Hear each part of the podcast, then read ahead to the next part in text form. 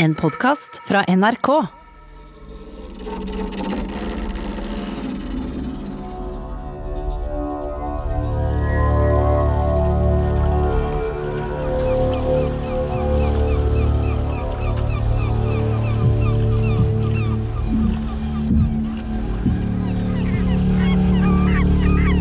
Det var en sommer på midten av 900-tallet at det kom et skip fra Island til Hardanger, lasta med grå skinnfeller.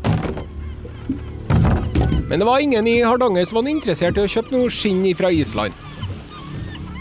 Men så kom Norges fjerde konge, Harald Eriksson, innom kaia en tur. Og skipperen visste om Harald fra før, så han gikk bort til henne og bar seg litt over hvor dårlig det gikk med handelen. Da sa han Harald, kan ikke jeg få en av de gråfellene dine? Ja, gjerne det, sa skipperen, og så tok kongen et av skinnene og hengte på seg som en kappe. Og før de for derfra, hadde alle mennene hans de hadde kjøpt seg en fell, dem òg. Og etter et par dager var det så mye folk som ville ha seg en sånn fell som kongen hadde, at ikke halvparten av dem som ville ha, fikk seg. Etter det kalte de kongen for Harald Gråfell.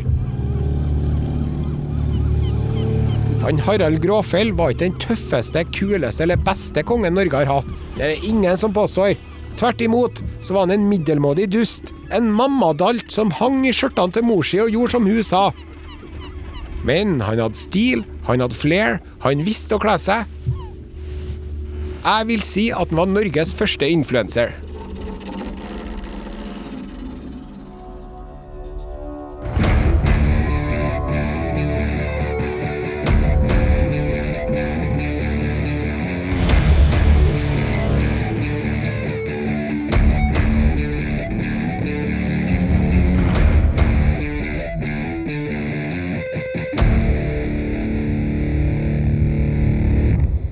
Du hører Kongerekka med Are Sende Osen.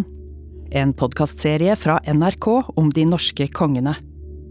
Episode fire Harald Gråfell. Kongen som tjente seg selv, og ikke landet.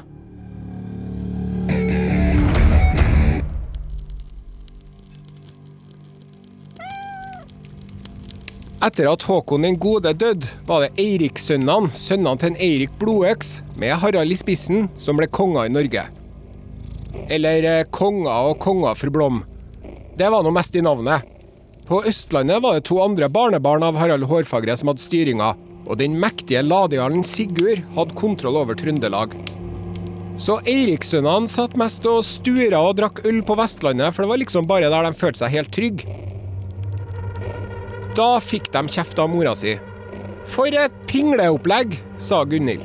Sitter dere her og sutrer og surmuler og lar dere forbaska ladejarlen styre i Trondheimen, i området som etter retten burde ha vært deres, som er deres. Harald, jeg ser på deg, ja. Det er du som er eldst. Det er du som er lederen for brødrene nå. Hva har du tenkt å gjøre med dette?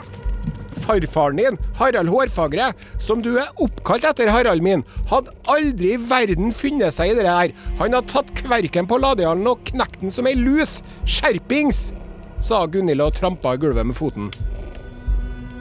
Eh, det er ikke bare å ta livet av Sigurd Jarl, morsan, sa Harald Gråfjell og fikla med mjødhornet sitt. Han er en big player og med mange venner og allierte og en skikkelig smarting, og hvis han får høre at vi har tenkt å begynne å kødde med han, da sliter vi. Ja, men da må vi gå frem på det viset at en Sigurd ikke skjønner at vi kødder med den før det er for seint, sa Gunhild. Nå drar vi til Nordmøre, og så gjør vi som jeg sier. Nå skal Hårfagre-ætta ta den plassen den fortjener. Og sånn ble det.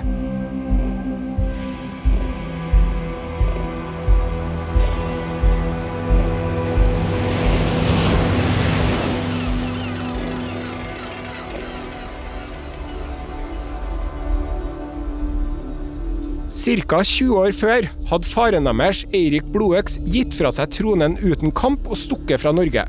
Så alle brødrene hadde vokst opp enten i England sammen med foreldrene sine, eller i Danmark hos morbroren sin, danskekongen Harald Blåtann. Så det må ha vært ganske rart for de unge mennene å bli konger i Norge, et land som for dem var nytt og ukjent.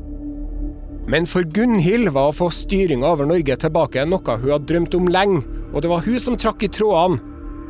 For hvis Eirikssønnene ikke hadde vært konger over Norge, men et rockeband isteden, da hadde Gunhild vært manageren og Harald Gråfjell vært frontfiguren og bandets stjerne. Eller egentlig ikke, for egentlig så var det eldstegutten Guttorm som først var frontfigur. Men han ble drept mens han prøvde å vinne Norges krone fra Håkon den gode. Gang på gang kom Eirikssønnene seilende og prøvde å drepe Håkon, så at de kunne bli konger i Norge isteden.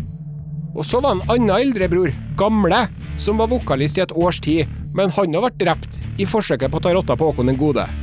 Den tredje gangen klarte de endelig å få tatt kverken på den evinnelige Håkon den gode, og da var det Harald Gråfeldt som fikk sjefsjobben, sjøl om han egentlig var reservereserven. Så jeg vet ikke, jeg. Han Harald.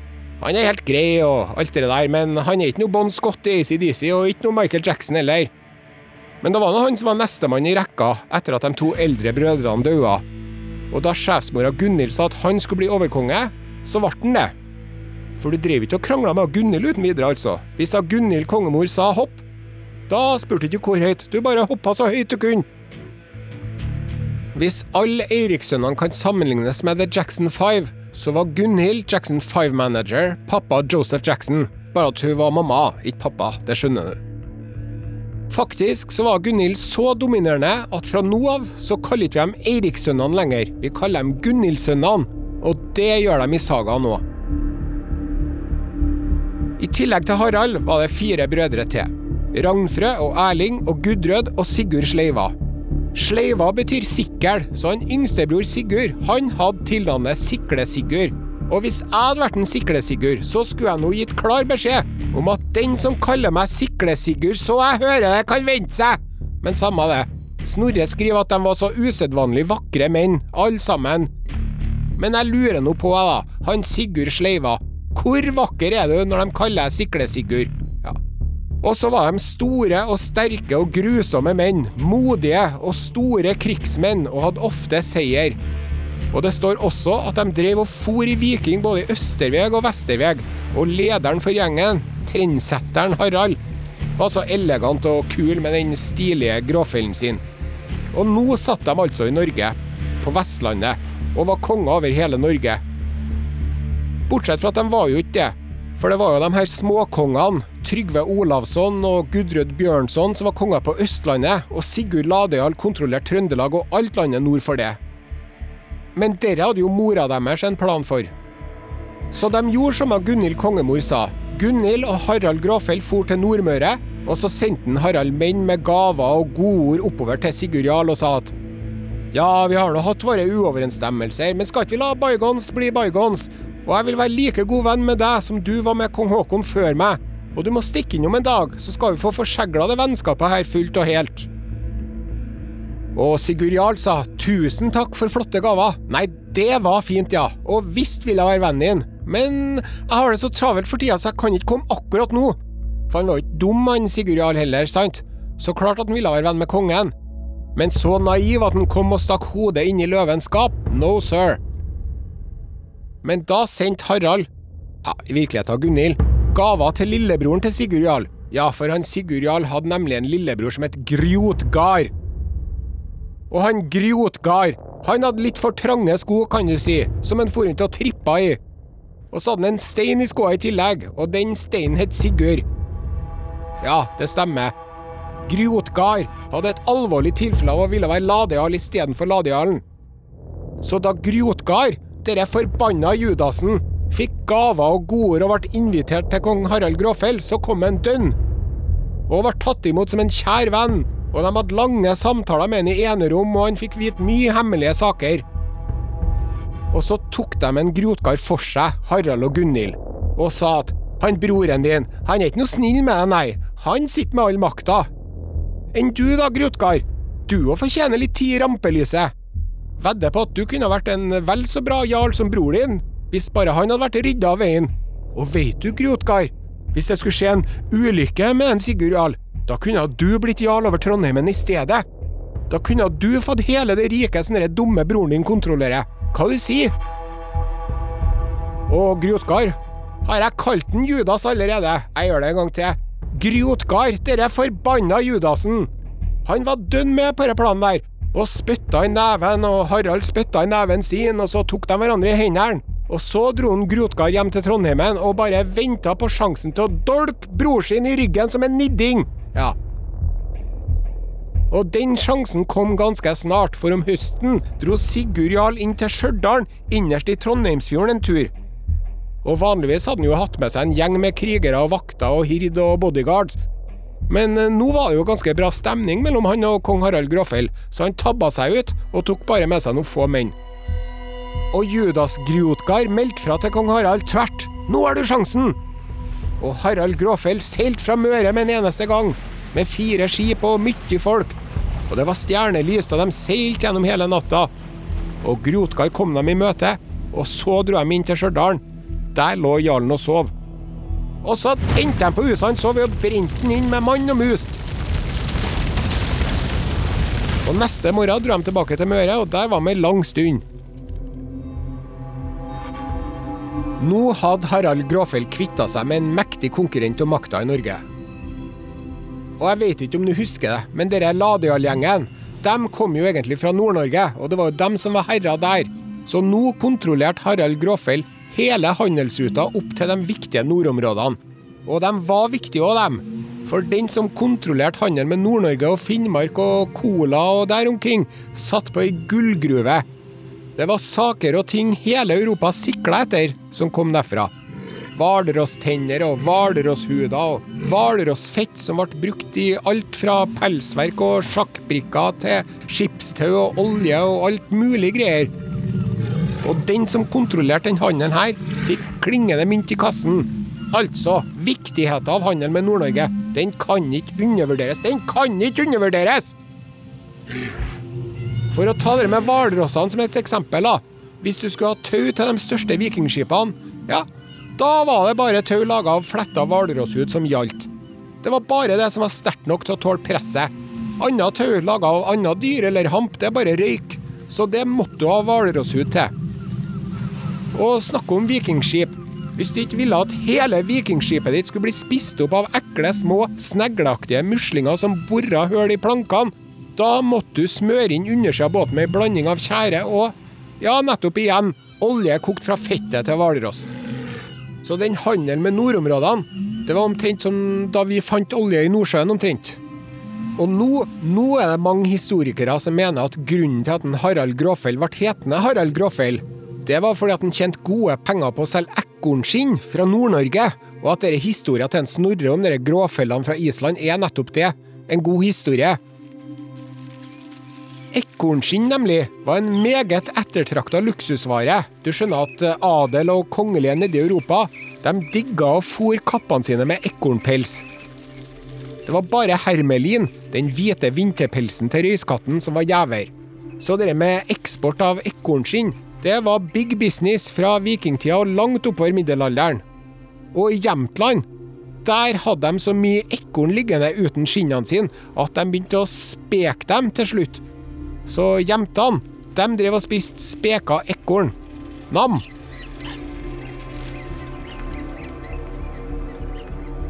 At Harald Gråfell at han var en mann med hjerne for økonomi og handel og finans, det er det ingen tvil om, men jeg liker å tenke på han som moteinfluenser òg, da. Uansett, kongens inntekter økte dramatisk, og dermed begynte Harald Gråfell å distansere seg fra onkelen sin. Og denne onkelen har vi nesten ikke nevnt ennå, sjøl om han var en mektig mann og en viktig brikke i spillet. Den onkelen var nemlig konge av Danmark, han het Harald Blåtann, og det tilnavnet det kom vel av at han kanskje hadde ei tann i kjeften som var skada eller død, altså blå. Det er jo han Bluetooth-teknologien er oppkalt etter. Og denne Bluetooth-logoen er jo en kombinasjon av de to runene som utgjør forbokstavene i navnet hans, H og B. I hvert fall, Harald Blåtann var konge av Danmark og en mektig mann. Og han hadde drevet og backa Gunhild-sønnene i mange, mange år. Hvem var det som hadde finansiert alle felttogene mot Håkon den gode med både sølv og mannskap og båter? Jo, det var han Harald Blåtann. Harald Blåtann sjøl mente at det var han som var konge over Norge. Harald Blåtann var sjefen, og Harald Gråfjell var liksom underkongen hans, da. Og sånn var det. Helt til Harald Gråfeldt tok rotta på Sigurd Jarl og fikk kontroll over nordområdene og ble steinrik, da trengte han ikke støtte fra danskekongen lenger, og begynte å styre og stelle som han sjøl ville. Hvis du tror at danskekongen syntes dette var helt i orden, og ikke bryr seg om det, da tar du feil. Danskekongen var ikke happy.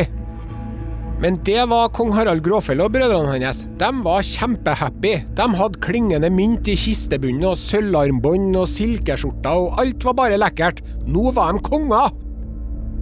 Det at de fikk rydda han forbaska Ladejarlen av veien, det var et trekk som virkelig hadde lønt seg. Dæven, morsan hadde rett, gitt. Men så er det sånn, vet du, at dere Ladejarlene, de ga seg ikke så lett. For han Sigurd Jarl, skjønner du, han hadde en sønn som het Håkon, som ikke brukte lang tid på å hevne seg på sin svikefulle onkel. Bare et par år etter at en Grotgard hadde brent inn Sigurd, fikk Håkon hevna seg og drept Judasonkelen sin. Og da var det Håkon Jarl som styrte i Trondheimen, og på en måte var man like langt. Men her kommer Gunhild inn i bildet igjen. Hun sjarmerte Håkon trill rundt og fikk ordna forlik mellom Harald Gråfell og Håkon Jarl. Og man kan gå ut fra at handelen med nordområdene fortsatte, og at det var Harald og brødrene hans som hadde størst fordel av det. Men det var en ganske skjør fred mellom Ladejarlen og Gunhild-sønnene. De gikk liksom rundt og følte hverandre på tennene, og det var bare et spørsmål om tid før det kom til å skjære seg.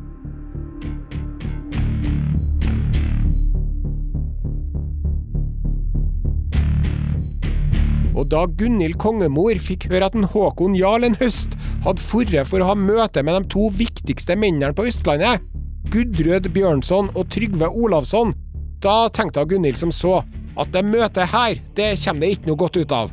Hva er det de skal drive og møtes for? Her er det ugler i mosen, sa Gunhild til seg sjøl, og innkalte til familieråd. Og planer ble lagt.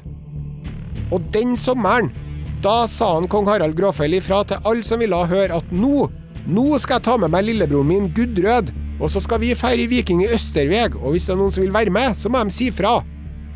Og så samla de sammen folk og sjøsatt skip og gjorde seg klar.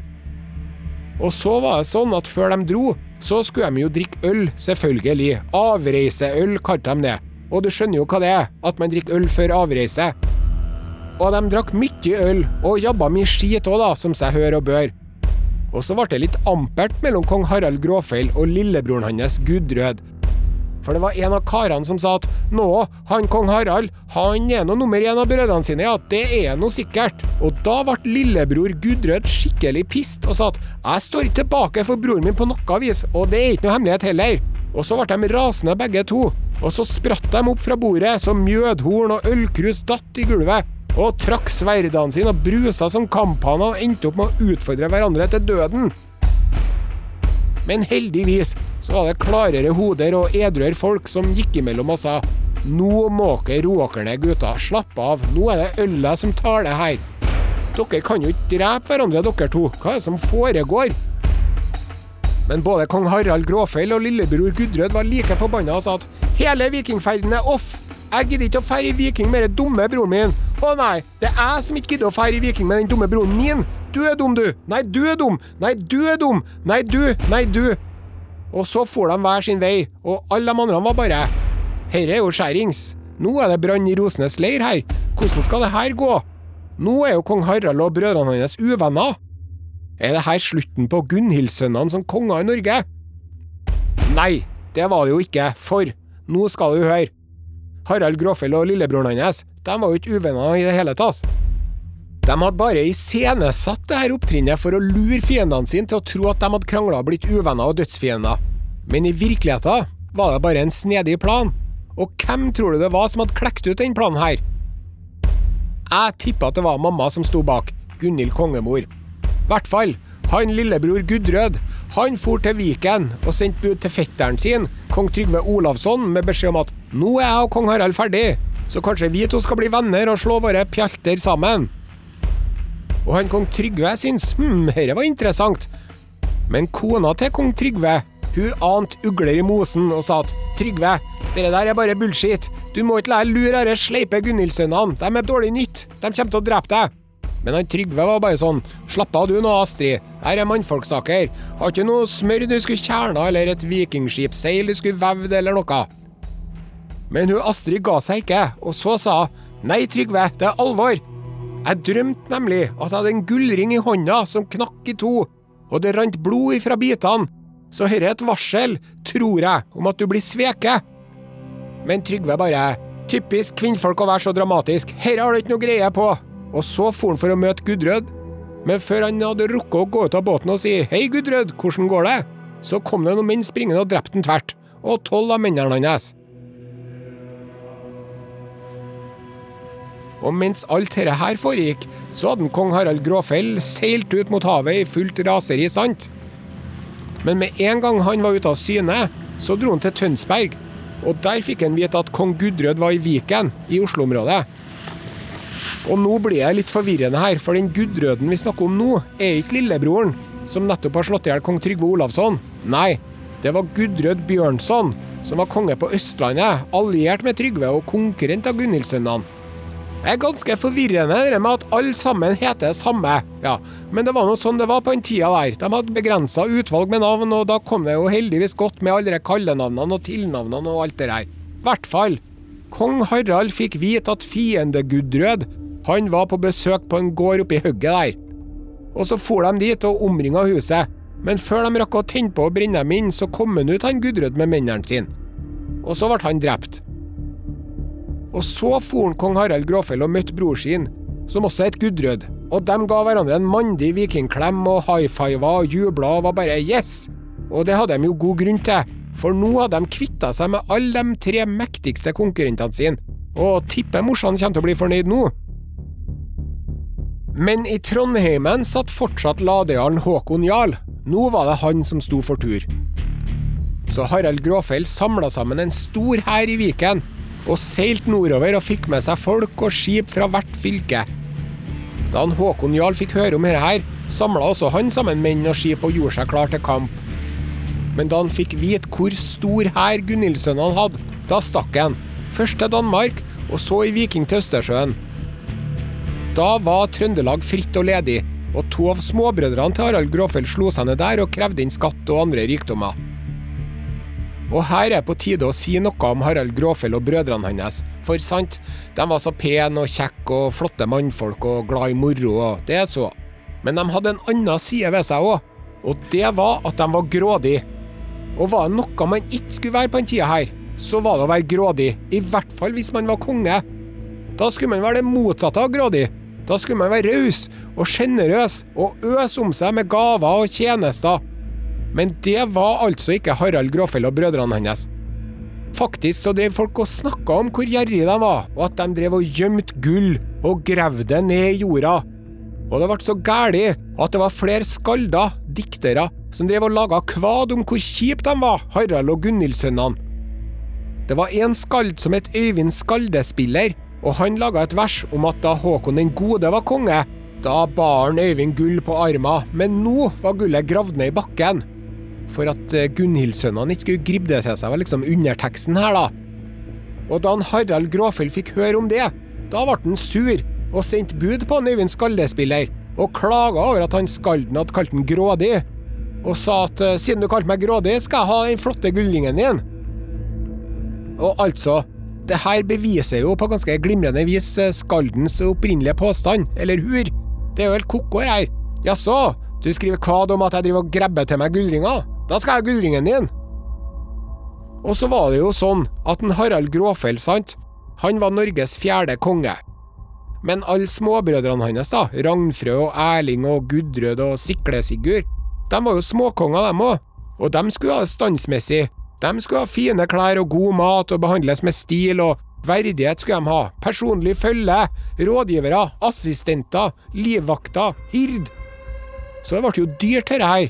Det er jo dyrt nok å ha én grådig og grisk konge, men her hadde de fem! Fem konger som drev og gribba til seg gull og gravde det ned. Og ikke bare det. De eh, fulgte bare lovene når det passa seg sånn for dem. Altså, hvis de likte en lov, da var det loven, med stor L. Men hvis de ikke likte loven, da var det ikke så farlig. Så vet du hvem jeg driver og tenker litt på når jeg tenker på Gunhild-sønnene? Jeg tenker litt på sønnene til en Saddam Hussein, jeg. Udai og Kusai. Høres litt ut sånn som dem. Skal få et eksempel. Det var en viktig stormann i Hordaland som het for Klipp. Og han Klipp han hadde ei kone som het Ålov. Og så hadde det seg sånn at en Sikle-Sigurd kom på besøk til en Klipp. Og så var ikke en Klipp hjem. Men hun Ålov var nå hjemme og tok godt imot den og diska opp med god mat og god drikke. Og som takk for gjestfriheten, så gikk en Sigurd til Ålovs seng om natta og lå der mot hennes vilje, står det i sagaen. Voldtekt kaller vi i dag. Og hvis man leser litt mellom linjene i sagaen, så er ganske mange av dem altså voldtekter, for å si det sånn. Og som regel så var det vel greit så lenge det bare var ei tjenestejente eller ei trellkvinne eller noe sånt, da hadde ikke det så mye å si. Men når det var kona til en mektig mann, da kunne det få konsekvenser. For litt seinere om høsten fikk en klipp rede på at en Sikle-Sigurd var i Hardanger, og da skulle han hevne seg. Så da for han dit og rant sverdet sitt gjennom en og drepte den tvert. Og rett etter så tok en av hirdmennene til Sigurd og drepte en Klipp. Ja, så Så de begynte å bli ganske upopulære, disse Gunhild-sønnene. Og som om ikke det var nok, så hadde de uflaks med været i tillegg. Ja, men det kan du nå ikke klandre Gunhild-sønnene for, tenker du. Været kan de jo ikke rå med.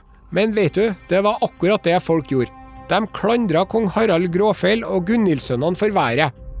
For sånn var tankegangen den gangen at hvis gudene var misfornøyd med kongene og syntes at de var duster, da straffa de dem med dårlig vær. I dag virker jeg kanskje veldig urettferdig, men det var nå sånn. Så, når vintrene ble kaldere, Gunhildsønnene sin skyld. Kornåret slo feil, Gunhildsønnene sin skyld. Silda forsvant. Jepp, det stemmer. Gunhildsønnene sin skyld, det òg. Men mennene til Harald Gråfell likte kongen godt, for han var like snill med dem som han var hard mot bøndene står det i sagaen. Ok, nå kommer vi til slutten i saga om Harald Gråfell. Og den er litt vag. Det er så mye som er usikkert eller ukjent. Men det vi vet, da, det vi vet, det er at en Harald Gråfell for ned til Danmark, og at han falt i et slag der. Et sted som heter Limfjorden. Antageligvis så hadde det seg sånn at en Harald fikk bud ifra onkelen sin, kongen av Danmark, som sa at Kjære Harald, vi har jo drevet og krangla litt og ikke alltid vært enige om ting, men nå trenger onkelen din hjelp, og hvis du kommer meg til unnsetning nå, så skal alt ordne seg. Og Harald Gråfell han rådførte seg med brødrene sine og mor si, og de diskuterte og spekulerte. Kan vi stole på danskekongen nå, eller kan vi ikke? Og de ble ikke helt enige om det der. Men så var det været så dårlig og avlingene så laber. Og så tenkte de som så at om vi drar og hjelper danskekongen nå, da ordner det seg med korn og proviant og forsyninger. Så han Harald Gråfeil han samla sammen en hær, og så for han ned til Danmark for å hjelpe onkelen sin. Men det skulle hun aldri ha gjort, for det var altså bare tull og lureri, og Harald Gråfjell gikk rett i ei felle. Onkelen drepte han i et bakhold. Hæ? Game of Thrones kan bare gå hjem og vogge. Greit at Harald av Norge og Harald av Danmark ikke hadde sånn supert forhold lenger, men lell. Å lure sin egen nevø inn i døden på den måten der, det var dårlig gjort av danskekongen. Sin egen nevø, som han hadde drevet og leika ride, ride, ranke med på fanget da han var liten. Men sånn var det altså. Ganske rått, da. Og kaldt. Og hjerteløst. Hvis det er noe trøst, så kan jeg fortelle deg at danskekongen, Harald Blåtann, han møter sin skjebne sjøl på lite edelt vis. Ifølge en islandsk fortelling så satt han på huk og blåste i gløren for å få fyr på bålet, da noen skjøt ei pil på han så langt opp i rasshølet at den kom ut av halsen. Det står det, at han fikk ei pil så langt oppi i rasshølet at den kom ut av halsen, ja. Karma is a bitch. Antageligvis så var det ladejarlen Håkon Jarl som var den egentlige hjernen bak denne familiefeiden. Og hvis det stemmer, hvis en Håkon Jarl virkelig var hjernen bak, da fikk han hevna at en Harald Gråfell hadde brent inn faren hans 15 år tidligere. Og etter at Harald Gråfell var død, da sa Håkon Jarl til danskekongen Nå er jeg sjefen i Norge, under deg. Og det kom ikke noen innvendinger fra danskekongen mot det. Men tilbake i Norge, da. Da Gunhild og brødrene til Harald Graffel fikk høre om dette, da var de sånn Nei, nei, nei, nei, nei. Og så prøvde de å samle sammen en hær for å beholde makta, men det var ikke noe stemning for det. Så da gjorde de sånn som Eirik Blodøks og Gunhild hadde gjort en 30-40 år tidligere. De forlot landet og for til Orknøyene. Må jo bare sende en vennlig tanke til jarlen av Orknøyene, som fikk besøk av Gunhild og hele storfamilien hennes hver gang de ble fordrevet fra hvor det var nå de befant seg. Det var sikkert ikke yndlingsgjestene deres, for å si det sånn. Sikkert krevende besøk og boende til seg på ubestemt tid. Mang en gang tipper jeg at jarlen av Orknøyene sukka til seg sjøl og sa Åh, skal ikke de fære snart? Harald Gråfell er ikke den beste kongen Norge har hatt, men han var ikke den verste heller. Hvis man skal kåre den verste, da, det var en annen konge som også hadde pels. Hundekongen Saur. Hæ, hva sier du, har ikke hørt om hundekongen Saur? Han må vi ta oss tida til. På 700-tallet var en småkonge som het Øystein Ildråde, som kom fra Sverige og herja rundt i Trøndelag og la land under seg. Og da han tok traktene rundt Inderøya, så sa han til trønderne hvem vil dere ha til konge her? Trellen min eller hunden min? Og folket tenkte seg lenge om og akkederte frem og tilbake, og det var jo ikke noen ønskesituasjon, men etter mye om og men, så sa de da tar vi hunden din, Saur, for da får vi bestemme det meste sjøl, mente de. Og så fikk de trylla inn tre manns vett i den hunden, så at den kunne gjø to ord, og uttale et tredje. Det er ikke noe vanlig hund, med andre ord. Og Saur bodde på Inderøya, på en gård som het for Saurshaug. Og hundekongen fikk halsbånd og lenke av sølv og gull og den beste plassen ved enden av langbordet. Og når det regna, så tok hirdmennene og baren Saur på skuldrene så at han ikke skulle bli skitete.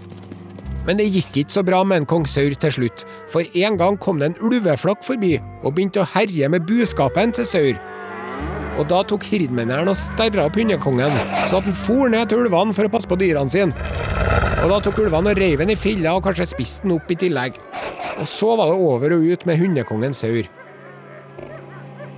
Men den dag i dag er det 327 nordmenn som heter Saur til etternavn, og i hvert fall noen av dem er vel oppkalt etter hundekongen, skulle en tro. Sett i denne sammenhengen er ikke Harald Gråfjell så gæren lell. Harald Gråfjell var en god businessmann og tjente mye penger. Han var kanskje litt for glad i penger, og da som nå var det populært med grådighet. Så jeg tror ikke det var først og fremst han de tenkte på da de kalte kongen vår, han Harald den femte, for Harald, for å si det sånn.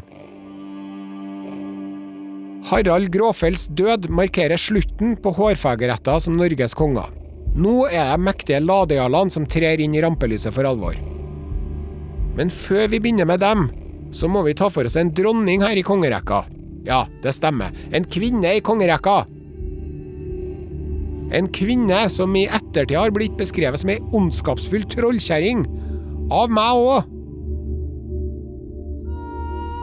Men kanskje det er helt feil?